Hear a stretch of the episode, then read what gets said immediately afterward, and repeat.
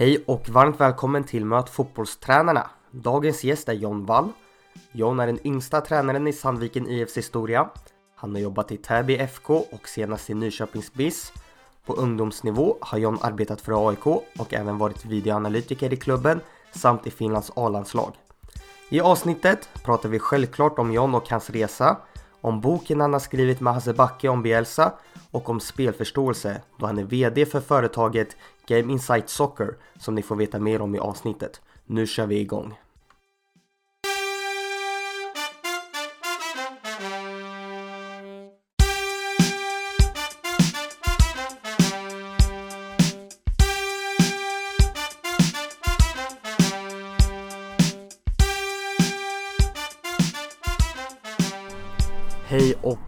Varmt välkomna till dagens avsnitt. Sitter på Quality Hotel Friends i Solna med John Wall. Varmt välkommen. Tack snälla, tack snälla.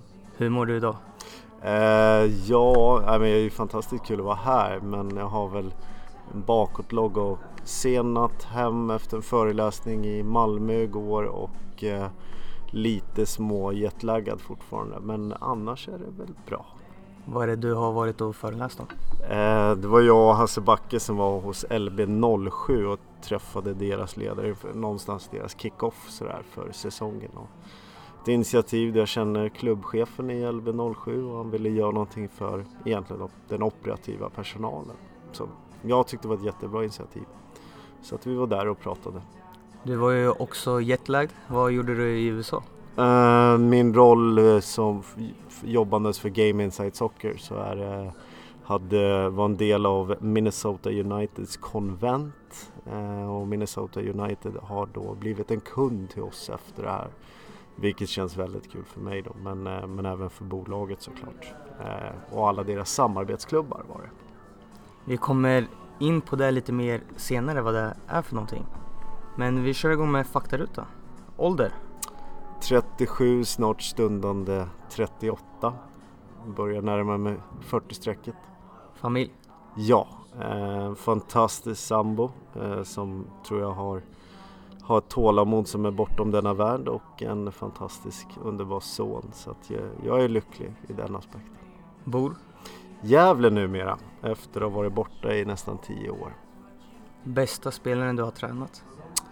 Det brukar ju vara sådär att det är någon med meriter sådär. Men jag går den här vägen, the best that never was. Där de här, om det någon gång får möjlighet att se det, ESPN 30 by 30 så är det en dokumentärserie.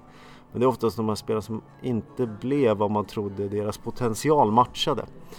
Eh, och jag håller fortfarande spelare som jag hade i mitt första lag någonsin väldigt högt. Det är Ahmed Ghazi men han eh, spelar inte fotboll idag. Har du något favoritlag? Det har jag, men då får du nästan ställa vilket land. Ja, vilket land? Vilket vill du höra? Spanien. Spanien, då är jag Atletico Madrid, jag är anti-madridista. Då har vi lite problem här, för jag är Real Madrid. jag beklagar, du är som många andra. I England då? Eh, Liverpool. Och Italien? Då är det Napoli. Förebild? Många och i många olika skeenden. Eh, det för mig så är det koncentrerat inte bara fotboll. Det är allt från eh, Muhammad Ali, Cassius Clay, eh, Bill Belichick, amerikansk fotboll. Eh, Hans Rosling tycker jag med det vad han har efterlämnat. Eh, Greta Thunberg, vad hon står och gör idag.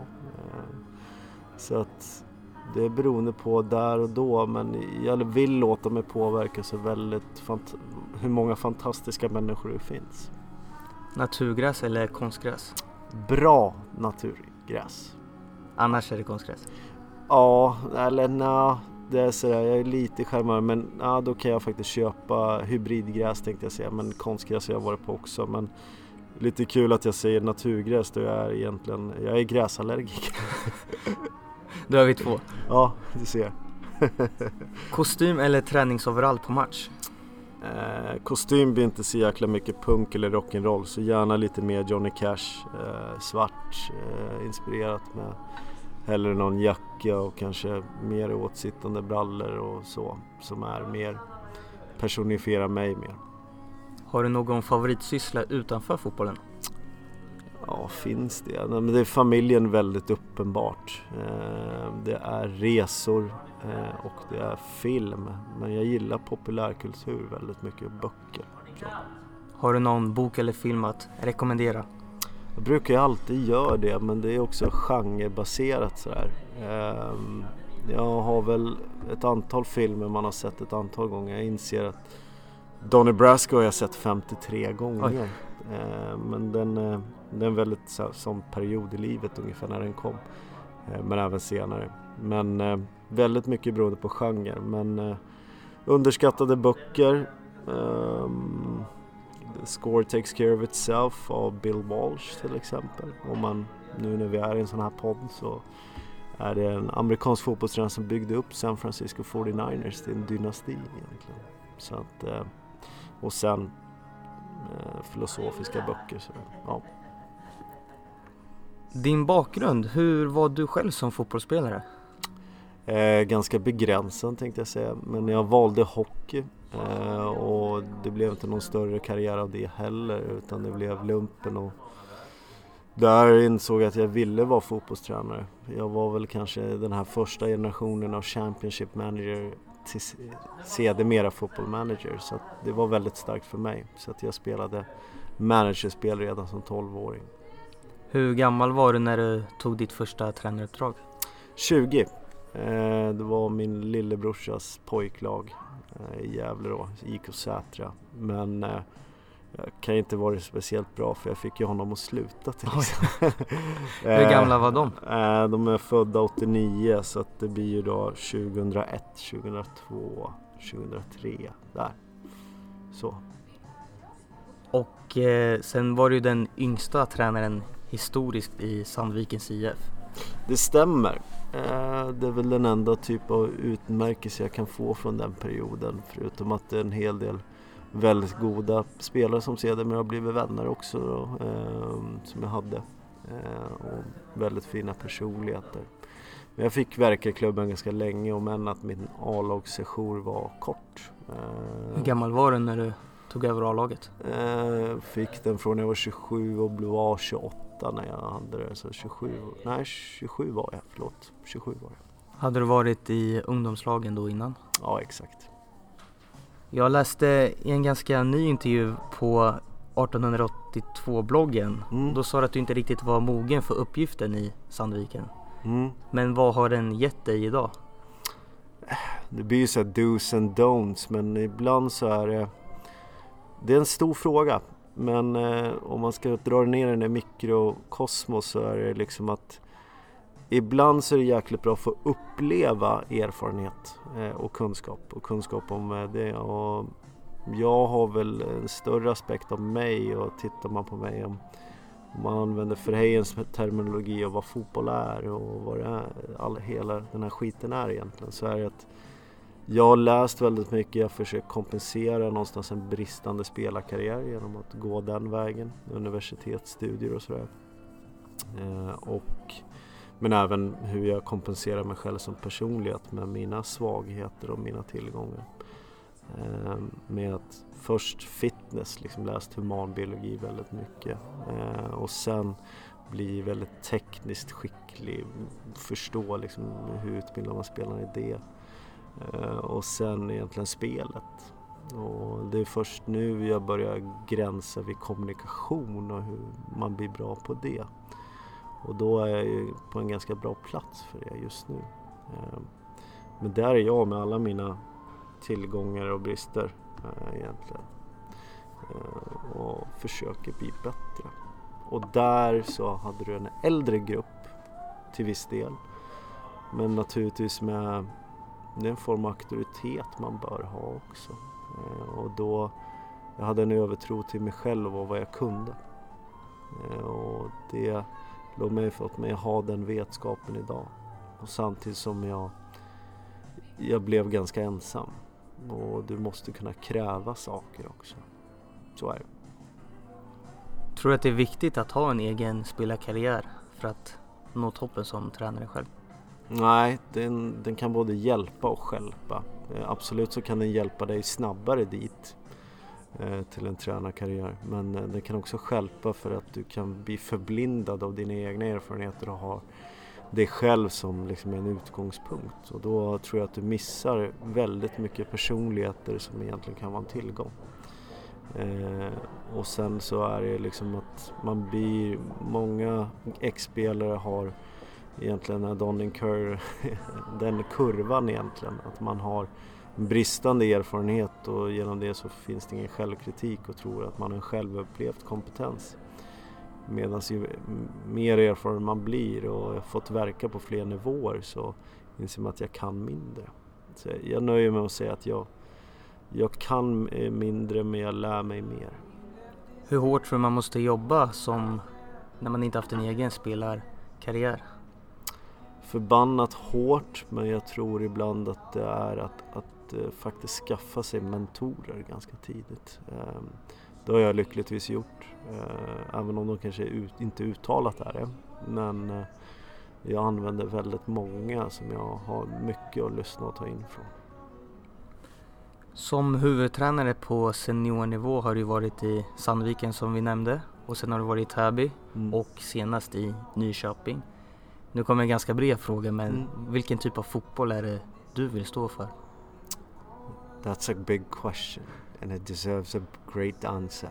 Som Noel Gallagher sa om Oasis när vi gick från signerade till att spela på Nebworth inför 100 000 sådär. På två och ett halvt år. men um, Ja, det är ju först och främst så måste jag acceptera vilka jag har eh, och utgå mångt och mycket från spelet men även framförallt klubbens vilja och intentioner. Men problemet är oftast att klubben vet inte vad den vill utan den vill ha resultat. Eh, nu är inte det unisont med alla de klubbarna jag verkar på seniornivå men eh, däremot så är det det bästa av allt att ha ett form av äktenskap där, där man möter varann. Både tränaren och klubben och även spelarna. Som en helig treenighet nästan. Eh, och för mig så blir det ganska, det är en väldigt stor fråga men jag har absolut som mina principer och vad jag föredrar och allting. Och, och som Brännström har sagt så är en väldigt extremt stor powerpoint. Eh, ja, men jag har gjort det, men det är en sån här självrannsakningsprocess att komma fram till vad man är. Eh, jag vill i grund och botten dominera min motståndare. Jag vill gärna kontrollera det mesta som sker på plan men samtidigt vara tillräckligt slug att kunna på den dagen få ut maximalt av det som vi får ut av jag kan spela ett offer men i själva verket så gör jag någonting annat. Ehm, men att nå den fulla cirkeln av anfall, försvar, omställning plus och minus. Och där minus blir plus och plus blir minus. Och så. Um, så att ehm, den är väldigt stor och det är i dagsläget så har jag väl för min egen del jättemycket principer. Men för mig så handlar det mer om att välja vägen gentemot den gruppen som jag står framför mig. Hur viktigt är det som tränare att hela tiden utmana sig själv och inte om vi säger att man är på kanske lite lägre nivå än att bara vinna matchen mm. men även att man själv utvecklas. Balansen där. Ja. ja, det är lätt att förebrå sig själv. Jag har en tendens att eh, anklaga mig själv och sådär.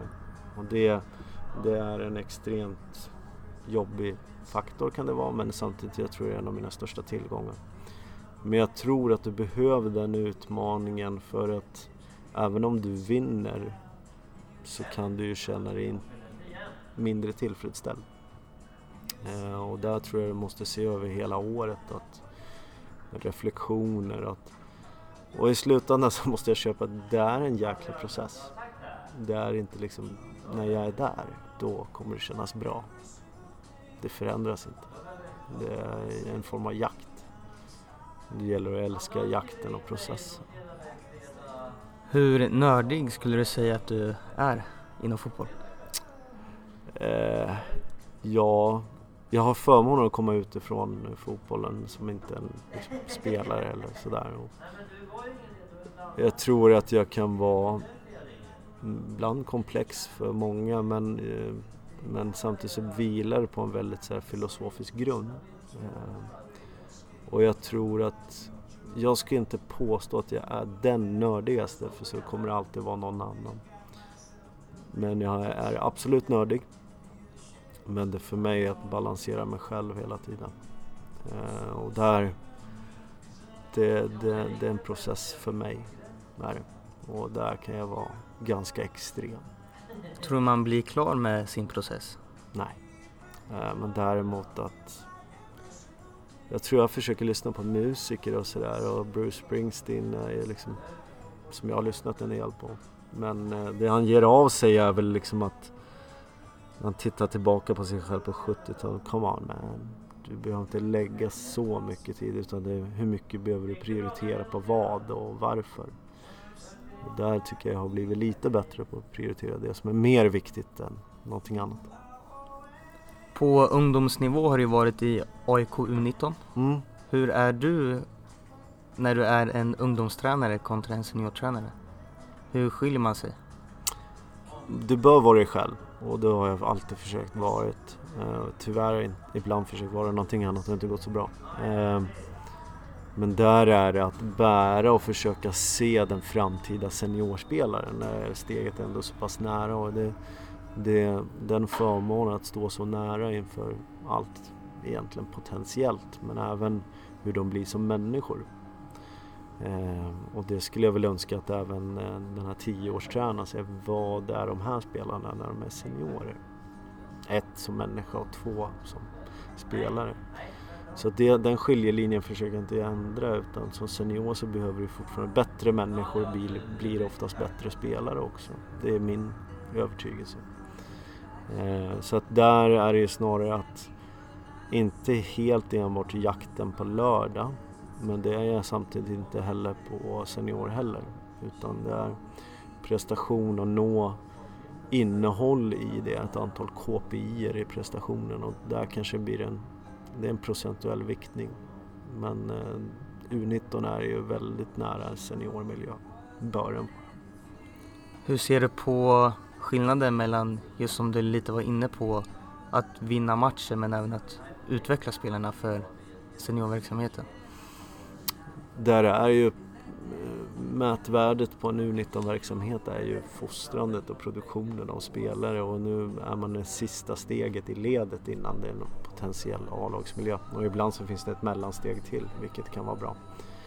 Eh, som division 1 eller superettan möjligtvis. Eh, och där, vad är det jag kan liksom påverka? Vad är min verkningsgrad med den här spelaren eller spelarna?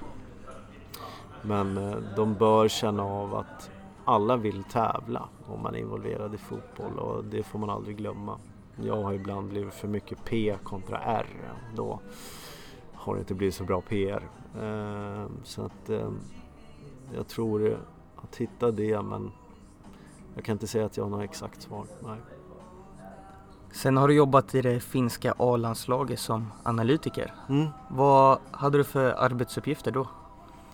Jag fick en fantastisk, eh, dels rollen och i vetskapen här i efterhand, fan vilka motstånd man fick möta och sådär. Men eh, det kommer vi in på lite sen. Men rollen var egentligen att både före, under och efter eh, match och även till träning att kunna serva tränarstaben med önskemål. Allt ifrån eh, motståndarscouting som ändå Thomas, Thomas Lyth ansvarar för men att hjälpa honom att klä eh, bruden egentligen som det idag heter eh, och även paketera matchgenomgångar, träningsgenomgångar eh, fasta situationer, efteranalyser, information till spelare och så vidare. Och även eh, enskilda samtal med spelare också. Hur mycket påverkar du som analytiker lagets taktik för nästkommande match? Jag är en del av och det gäller att se det inte att jag är. Eh, och det tror jag är en jävligt viktig skiljelinje för mig.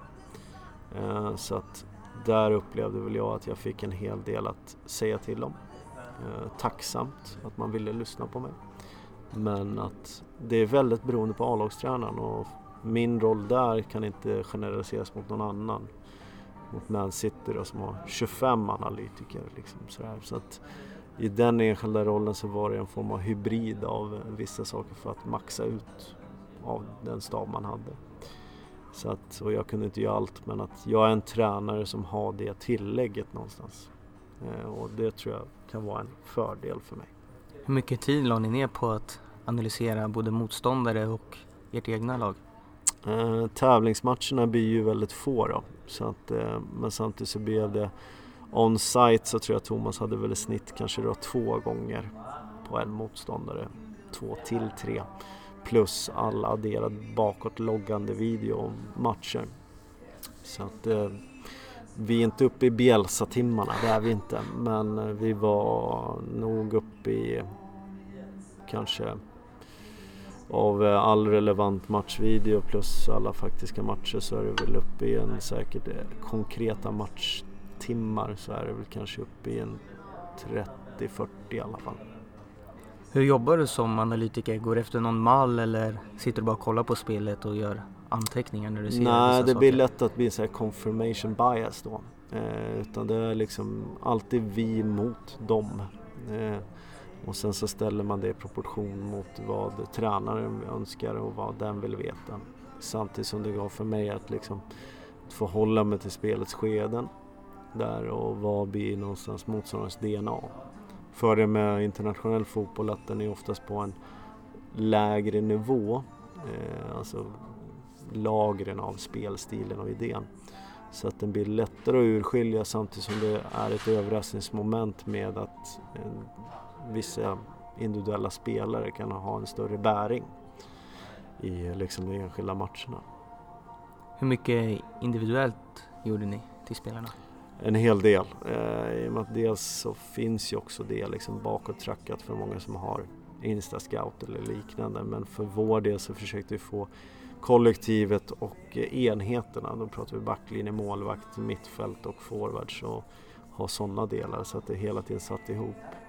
Annars är det lätt att det blir överinformation. Hur mycket tror du man kan ge till spelarna?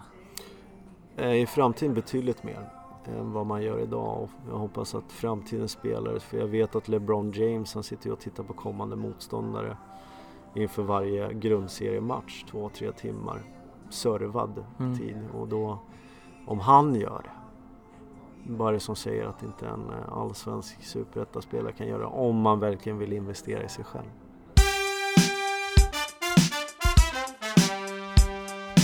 När eh, jag intervjuade Andreas Brännström i det första avsnittet av mm. podden så när jag frågade vilken gäst han skulle vilja lyssna på så sa han dig bland mm. annat. Och då sa han att du alltid har en dos kritik att dela ut åt alla håll och kanter. Ja. Vad menar han med det?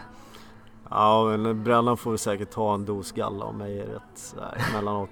Men på något sätt så är det ett förhållande i det här, nu står jag utanför och eh, kanske av att jag är dömd eller inte men att jag har valt det. Eh, jag har gjort andra aspekter med mitt liv istället då. Och jag är inte bara fotbollstränare men folk tendensen i det här klimatet är att ja, men vi säger så här att nu är det här rent hypotetiskt. Att eh, vi säger att Rickard Norling tycker att det är skitbra att man målar bollarna lila. Och så säger jag ja, det är skitbra. Men om jag skulle säga det så skulle man säga att fan han är dum i huvudet. Eh, och där blir det lite så här, vem är det som säger någonting och vem är veckans t-shirt? Och det är jag liksom en ganska så här starkt aggressiv mot liksom. Och jag tror att har vi mer ett klimat där det är, jag önskar nästan att jag växte upp under den perioden där Laban stod och slogs för man-man markering och så hade du Roy och Bob med och även följarna med Svennes och Lasse och även Hasse med zonspel.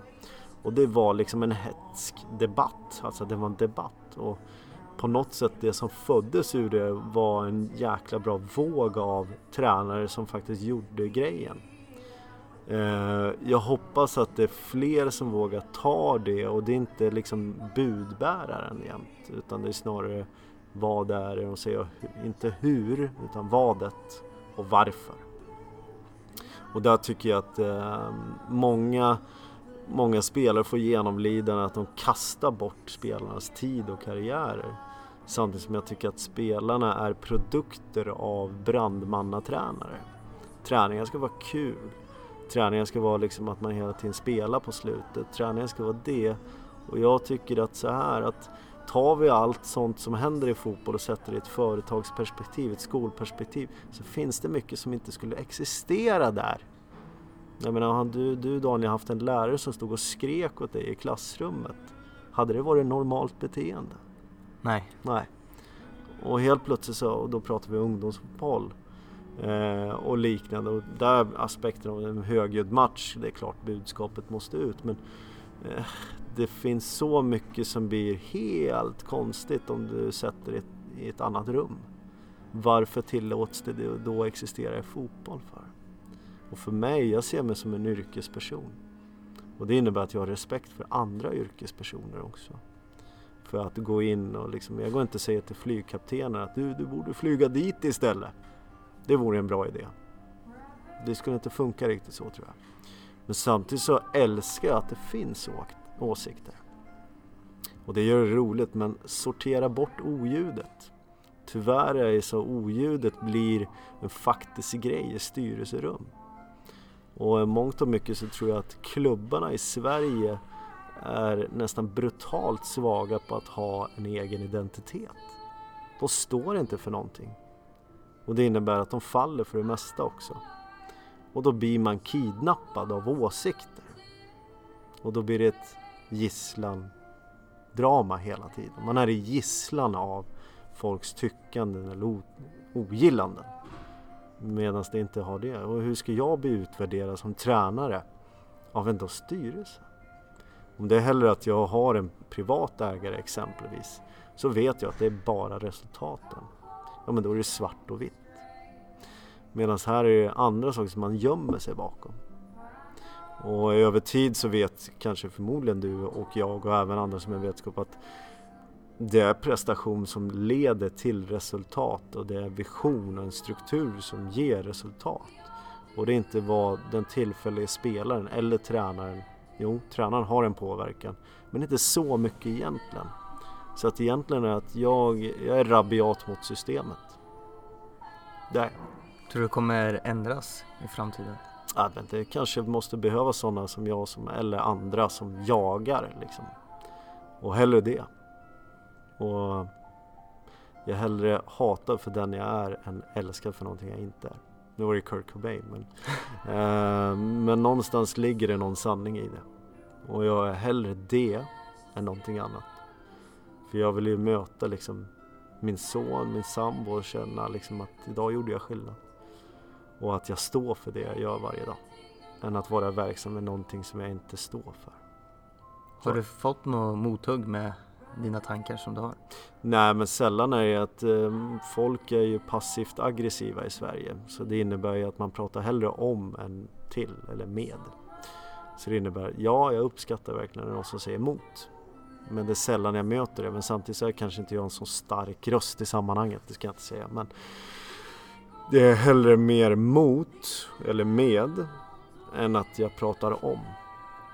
Så för min del så har jag valt att jag pratar inte skitsnackiska. Och det är ganska befriande. Vi pratade ju lite innan intervjun och hade lite samtal och sådär. Mm. Och eh, du nämnde annat, bland annat för mig att du tycker att spelförståelsen på svenska spelare är begränsad. Mm. Vad har du för tankar kring det? Det är ju lite kritik ändå. Mm. Ja, det är ja, men om du, vi tar, vi tar dig som hypotetiskt exempel. Du är förmodligen en produkt av de människor du har mött och en produkt av de miljöer du har vistats i. Korrekt? Mm. Således är det inte per se ditt fel. Men har vi någonstans i den här hela kedjan någonstans sagt det är ditt ansvar i det här. Utan har det hela tiden blivit ett urskuldande för du har kanske inte varit alltid delaktig i processer i de miljöer du har varit med i. Det har inte. Det är inte du som har burit utan du har blivit mer mottagare av order eller liknande. Exakt. Och då blir du en produkt av det. Så att det är inte ditt fel Det, det är uppe ovanför. Det är precis som busschauffören som åker fel. Det är inte busschauffören jag blir arg på. Det är den som anställde busschauffören. Det är det jag är ute efter. Så således är många spelare en produkt av brandmannatränare. Tränar, träningarna har sett relativt likadana ut. De har inte utmanats tillräckligt mycket. De har inte fått bära ansvaret för saker som skett ute på plan. Utan det har varit kort DDD och hanteringen av det. Den mognaden att hantera, men det är faktiskt du. Är du med? Det är du som faktiskt levererar det här. Mm. Och det är hellre det, för jag vill i slutändan när jag är tränare, och det är inte för att göra ett martyrskap eller det där, jag ska göra mig själv så oviktig att jag inte behövs längre. Det är mitt absoluta slutmål. Jag ska inte behövas. Men hur tar jag mig dit? Egentligen. Är det att marschorder dit och dit? Ja, jag har gjort det. Men vad tar jag där? Och få ha externa människor som är sjukt skickliga på att jobba med processer i grupper och ta dem dit. Och även de gånger, de få gånger tränarna får uppleva den perioden då gruppen bär sig själv. Det är fantastiskt. Och det är, kanske man jagar nirvana liksom. Men allt det här ha, hör ihop med vad och hur vi gör det och varför vi gör det. Och det är precis som du tittar på samhället som så här så att ingen vill misslyckas. Men misslyckande är en brutal väg. Och är det så att den spelaren väljer att alltid skylla på sin omgivning eller personen skylla på sin omgivning varför det blir som det blir så kommer det aldrig bli en förändring. Och där, det är liksom ett stort shit för mig liksom. Det kittlet liksom som får mig att brinna till. Om du skulle ta över ett lag idag, hur skulle du skilja dig som tränare från dina uppdrag i början? Jag skulle nog vara med all den vetskap, det jag tror har hänt för det är ju fortfarande, jag vet ju inte fullständigt vad som har hänt. Och acceptera det. Men även att sätta förmodligen någon form av kontrollinstans mot mig själv också. Att ha någon som bara är jävlig liksom. Eller eh, kvalitetssäkra det vi gör.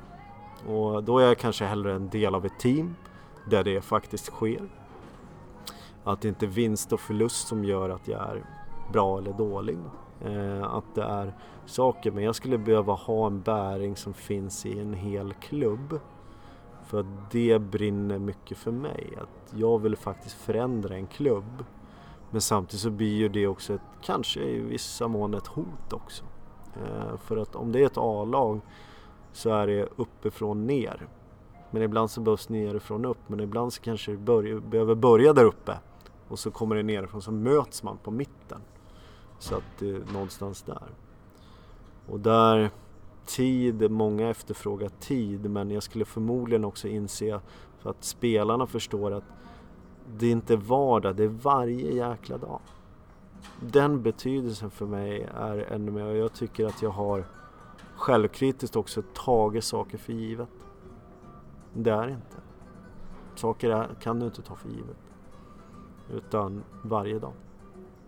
Och det tror jag det är återkommande och där har jag blivit upptagen av eh, processer och allting men det är där och då vara nära så att tillräckligt mycket kollat mig själv i spegeln. Hur självkritisk är du? Jag vet, det är svårt att jämföra sig själv med andra men eh, det är en väldigt naturlig del av mitt DNA. Och den för dig framåt? Där, men eh, och ibland så måste jag bli bättre där jag andas och ge mig tillfredsställelse i det lilla. Och det måste jag se mer. Så att, ehm, och där fick jag självkritik till någonting som ska bli positivt också. Så att, ja, ehm, men det, det är en sån eh, process och kamp för mig. Du är VD för Game Insight Soccer. Mm. Kan du berätta lite vad det är? Ja, absolut. Det är ett bolag eh, som heter Fotbollssajten Scandinavia AB egentligen. Eh, bildades av eh, Göran Aral och hans bolag och eh, Lasse Lagerbäck och eh, Hans Backe och fler personer eh, som är investerade i det. Eh, men har switchat någonstans inriktning mot USA Eh, med en vetskap om eh, Sverigemarknaden och allting utan att göra så långa utlägg om det. Men i grund och botten så är det så här att med alla dessa herrars erfarenhet och insikten som de har, vilket är fantastiska. Så jag har haft ett universitet liksom i tränarskap och ledarskap med dem. Så är det, det, spelet är konstruerat, det finns vissa saker som är återkommande, alltså principer. Och att fotboll är en kollektiv sport där man måste samarbeta för att göra det som betyder mest, mål. Och där tror jag att många hamnar för tidigt i att man organiserar, strukturerar träning mot barn, ungdomar. Då det i själva verket man måste samarbeta före innan man börjar organisera och skapa strukturer och sådär. Men samarbete, interaktioner leder ju till så småningom att du organiserar, strukturerar och organisationen påverkar ju samarbetet. Men taktik kanske kommer in för tidigt. Och de principerna tror vi att det behöver folk egentligen ta del av. Och egentligen att det är, finns tillgängligt för alla. Att det inte bara beroende på var du växer upp och är dittan och datten. Och sen att klubbar kan, precis som det mesta idag, prenumerera på den. Både som klubb och tränare. Och i det här skedet som vi har varit nu med ett och ett halvt år där jag har åkt till USA snittat en vecka i månaden och träffat klubbar och haft föreläsningar och träffat väldigt många olika personer. Så är det återkommande problem existerar i andra delar av världen också. Och det här är inte någon universal lösning, absolut inte. Ta det här så blir ni alla skitbra. Utan det är snarare så att tränarna inte jagar den senaste veckans t-shirt. Ja, oh, Chelsea tränar så här. Åh, oh. Barcelona gör det här. Oh. Till slut så blir det bara det att man jagar en övning. Medan det är spelet som driver allt i övningar och liknande. Och där ge små saker som en, en eh, lärande process för tränaren. Men även att för spelarna att Ja just det, det här är kontexten vi går in i träningen med. Och då, just det, det går snabbare. Korta tiden för att det landar. Och det är det vi är ute efter. Är det för många tränare, tror du, som sitter på Youtube och youtubar fram sig lite övningar utan att veta dess syfte och instruktioner? Absolut, syfte och instruktioner är bara ett medel återigen. Men utan det är snarare att kontexten blir så fel av att det är väldigt professionella spelare. Nu använder vi Champions League och har den förmånen. Men det som sker där uppe som vi sneglar mot och liksom beundrar, de gör också fel. Men vi gör det av kontexten, okej, okay, hur skapar du fler passningsalternativ? Ja, då är det ju att det inte spelar med bollen som gör det. Det är alla andra. Men vilken eh, instruerar tränaren? Spelar med bollen. Så att det är snarare att liksom döda vissa myter och liksom vardagsmyter som existerar. Och ja, för att svara på din fråga, det är för mycket jakt på den senaste grejen. Men det är ju också vad vi lever i för samhälle också. Och det finns free content som man egentligen pratar om. att Det finns så mycket av det. Men det behövs ett filter. Vad det var. Inte för att vi ska vara någon förmyndare, men Sätt det i proportion med var du är. Att möta spelarna där de är. För annars vet du inte hur du ska ta dem vidare. Men eh, alla har vi varit där, där vi har varit den berg, berg och dalbanan. Liksom, att vi har jagat det senaste. Jag har gjort det, jag har kopierat hejdlöst, gjort mycket. Och kanske om eh, tio år så kommer jag säga, fan du hade ingen vetskap om vad du snackade om då. Eh, då hamnar vi i processen igen. Men det är en del av en cykler av en tränare. Och en ung tränare tenderar till att gå mot vissa nya saker. Och vissa kan absolut vara bra. Men hur värderar man det? hur sätter man det i proportion? Det är sådana här frågor som är stora. Vad får man som prenumerant på sidan? Vad får man tillgång till? Man får, och det är, den är inte liksom, den är up and running, absolut. Eh, det är nivåer som level 1 innehåller anfall, försvar och omställning. Alltså spelet. Eh, och då är det liksom väldigt basics. Eh, det är dels eh, en studio där det jag då, Onkel Fester, går igenom liksom, det här kommer du stå inför och så, det här bör du tänka på. Och sätter det, står med en enkel taktiktavla och pratar men refererar till modulen som kommer. Okej, okay, det är det här. Och modulen tar då egentligen spektrat av när det sker in action. Bra som mindre bra. Och sammanfattningar. Och sen rekommendationer kanske på övningar. Men det är inte så här pdf ladda ner gör det direkt. Utan vi väljer att det är bara rullande video. För att inte vara de som det är handouts hela tiden. För det, det föder ju bara ett konsumtionsbeteende. Eh, och sen kommer det vara masterclasses. Det kommer vara webbinarier. Det kommer vara artiklar. Så att det är lite åt det hållet. Tror du att det kommer bli större här i Sverige?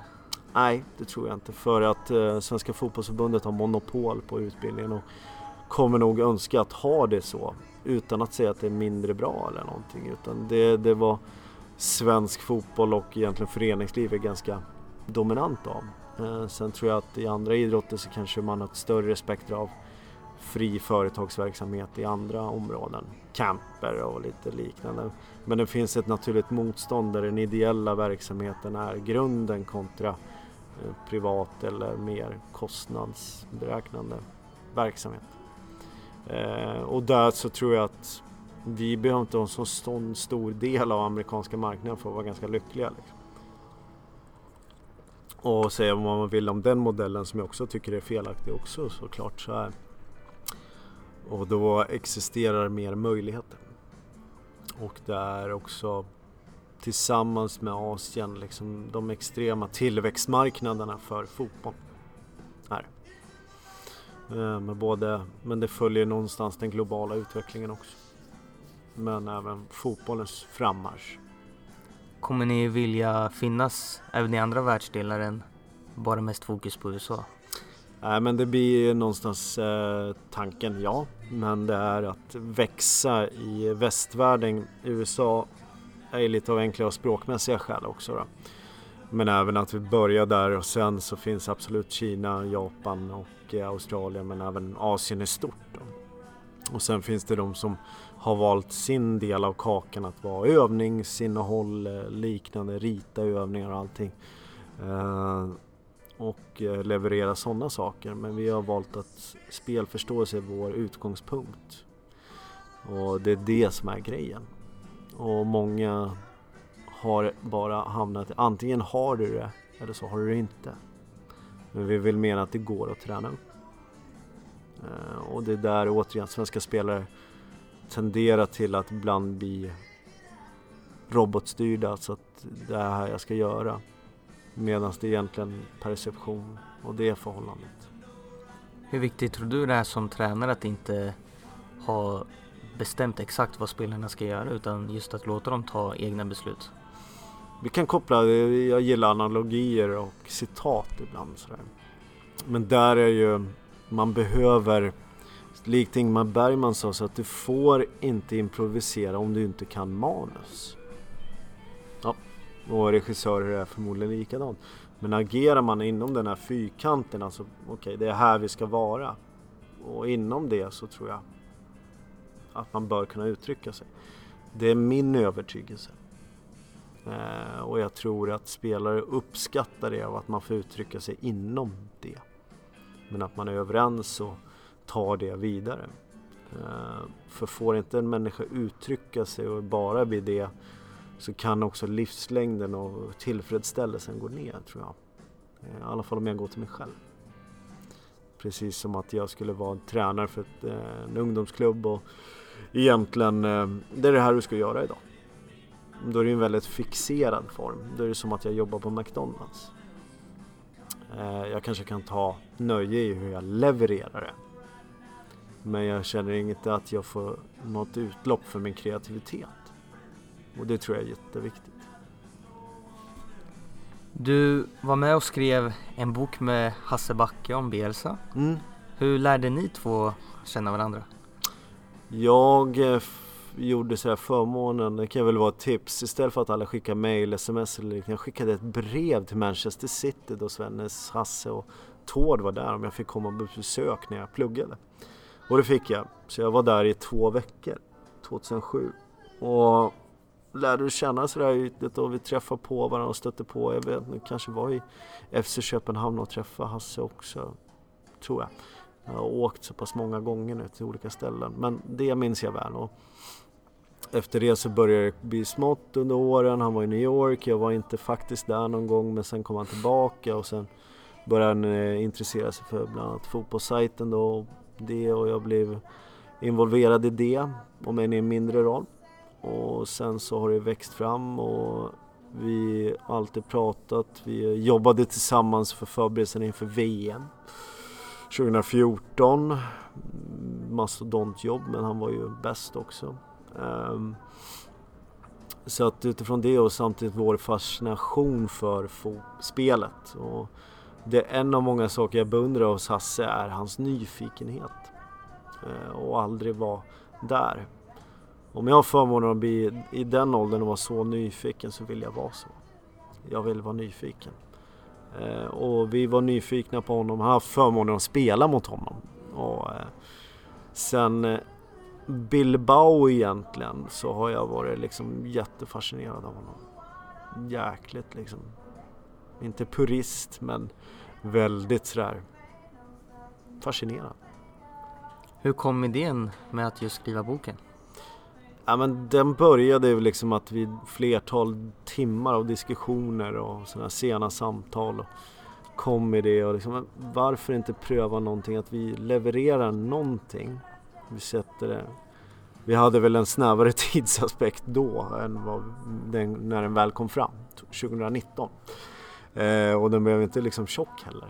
Så att, eh, men inte att det blev ett copy-paste verk eh, som många som kedjeproducerar böcker. Att köp den här taktikboken och så. Du, du, du, Utan mer frågor men mer någonting av hans filosofi som är annorlunda.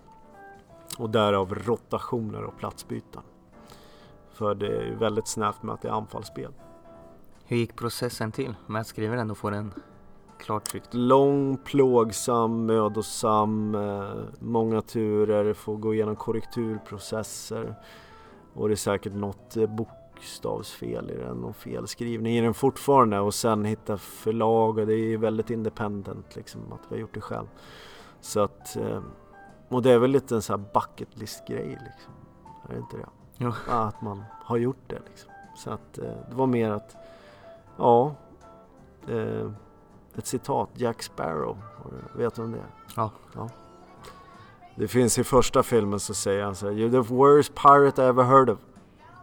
But you have heard of me. Så att det är lite mer av den devisen. Du är om... den sämsta författaren som finns. Ja, men du har hört talas om mig. ja. Så det är kul. Om man har läst den, eller ska läsa den, eller läser den. Hur viktigt är det att man inte blir och kopierar BLC utan mer tar eh, idéer och funderar själv kring sitt. Om man är en 0 till 7 årstränare, pratar jag verksam, så kommer det bli att du kommer pröva, testa hejvilt och sådär. Och det, ibland så är det kanske 0 till 5 år, vad vet jag. Eh, men sen så kommer det att du börjar ställa dig mot det du har. Och, är det något fragment eller någonting som börjar ställa det du har trott på ända så har det haft en verkan. Så ta frågorna, läs den inte bara rakt av. Läs den kanske hellre ett kapitel åt gången eller kanske två, tre sidor bara. Och inte, ja vi har liksom fått med övningar, ja. Men det är ju inte grejen i sig. Utan det är bara en väg precis som många andra. Utan det är mer att kopplar det tillsammans med de visuella exempel och som inte kanske är exakt som övningarna beskriver eller sådär. Så är det ju mer snarare att det uppstår och det finns naturliga referensramar i spelet fotboll som bollen, motståndare, medspelare, yta, tid och eh, beläget på plan så kan du ju faktiskt eh, skapa din egen adaption. Och det är ju inte, det är inte att man snor och inte att man är en klon utan det är snarare att man ser det här är en väg som kanske kan få vissa dominobrickor att brasa ner. Så. Du gav mig ett ex av boken precis innan vi körde ja. igång här och jag hann titta igenom lite. Ja. Det är väldigt mycket frågor. Ja. Är det just tanken med boken att väcka frågor hos Väcka tränare? frågor, inte ge svar. För det är lätt att man ställer sig i hörnet och bara säger att så här är det. Utan det är hela vår aspekt av att väcka mer frågor, lyfta debatt, skapa det och skapa driv i det. Och sen om det kanske bara når i en viss upplaga, fuck it liksom. Men eh, hellre vara det. Jag är hellre liksom Joe Strummer i The Clash än att jag är en mainstream artist. Finns det några lag i Sverige som spelar likt Bielsa, skulle du säga? Nej, inte per se, utan man blir ju oftast de man spelar mot. Man blir ju en produkt av det. Eh, där så finns det ju liksom att han är väl extremversionen med få titlar och genom det så kanske han har fått ett mindre berättigande av eh, vad folk tar in. Men jag vill mena att eh, det är kanske de människor som vi har hört minst om eller mindre om som kanske har mest att säga. Och att han har valt den vägen att vara extrem i så pass mycket. Och det som, om det inte om, det är nu i anglofil-Sverige vi blir övertygade med det han har gjort med Leeds. Utan det är först då han får något form av berättigande resultat. Medan det egentligen är att det han har gjort med ett bottenlag i Championship i det här fallet till att lyfta där och utförandet av det är han hänförande. Och det är lika med Bilbao som har en väldigt begränsad pool av spelare. Bara basker. Mm. Chile som hade varit på dekis till att vända ett helt land. Och få till ett x antal världsstjärnor. Eh, det minst sagt imponerande. Och sen är det att intensiteten som han gör, eh, som hans lag utför i, är fint. Och det är bra. Samtidigt som att hur tränar vi i Sverige för att få fram intensitet? Har vi kommit i närheten till vår potential?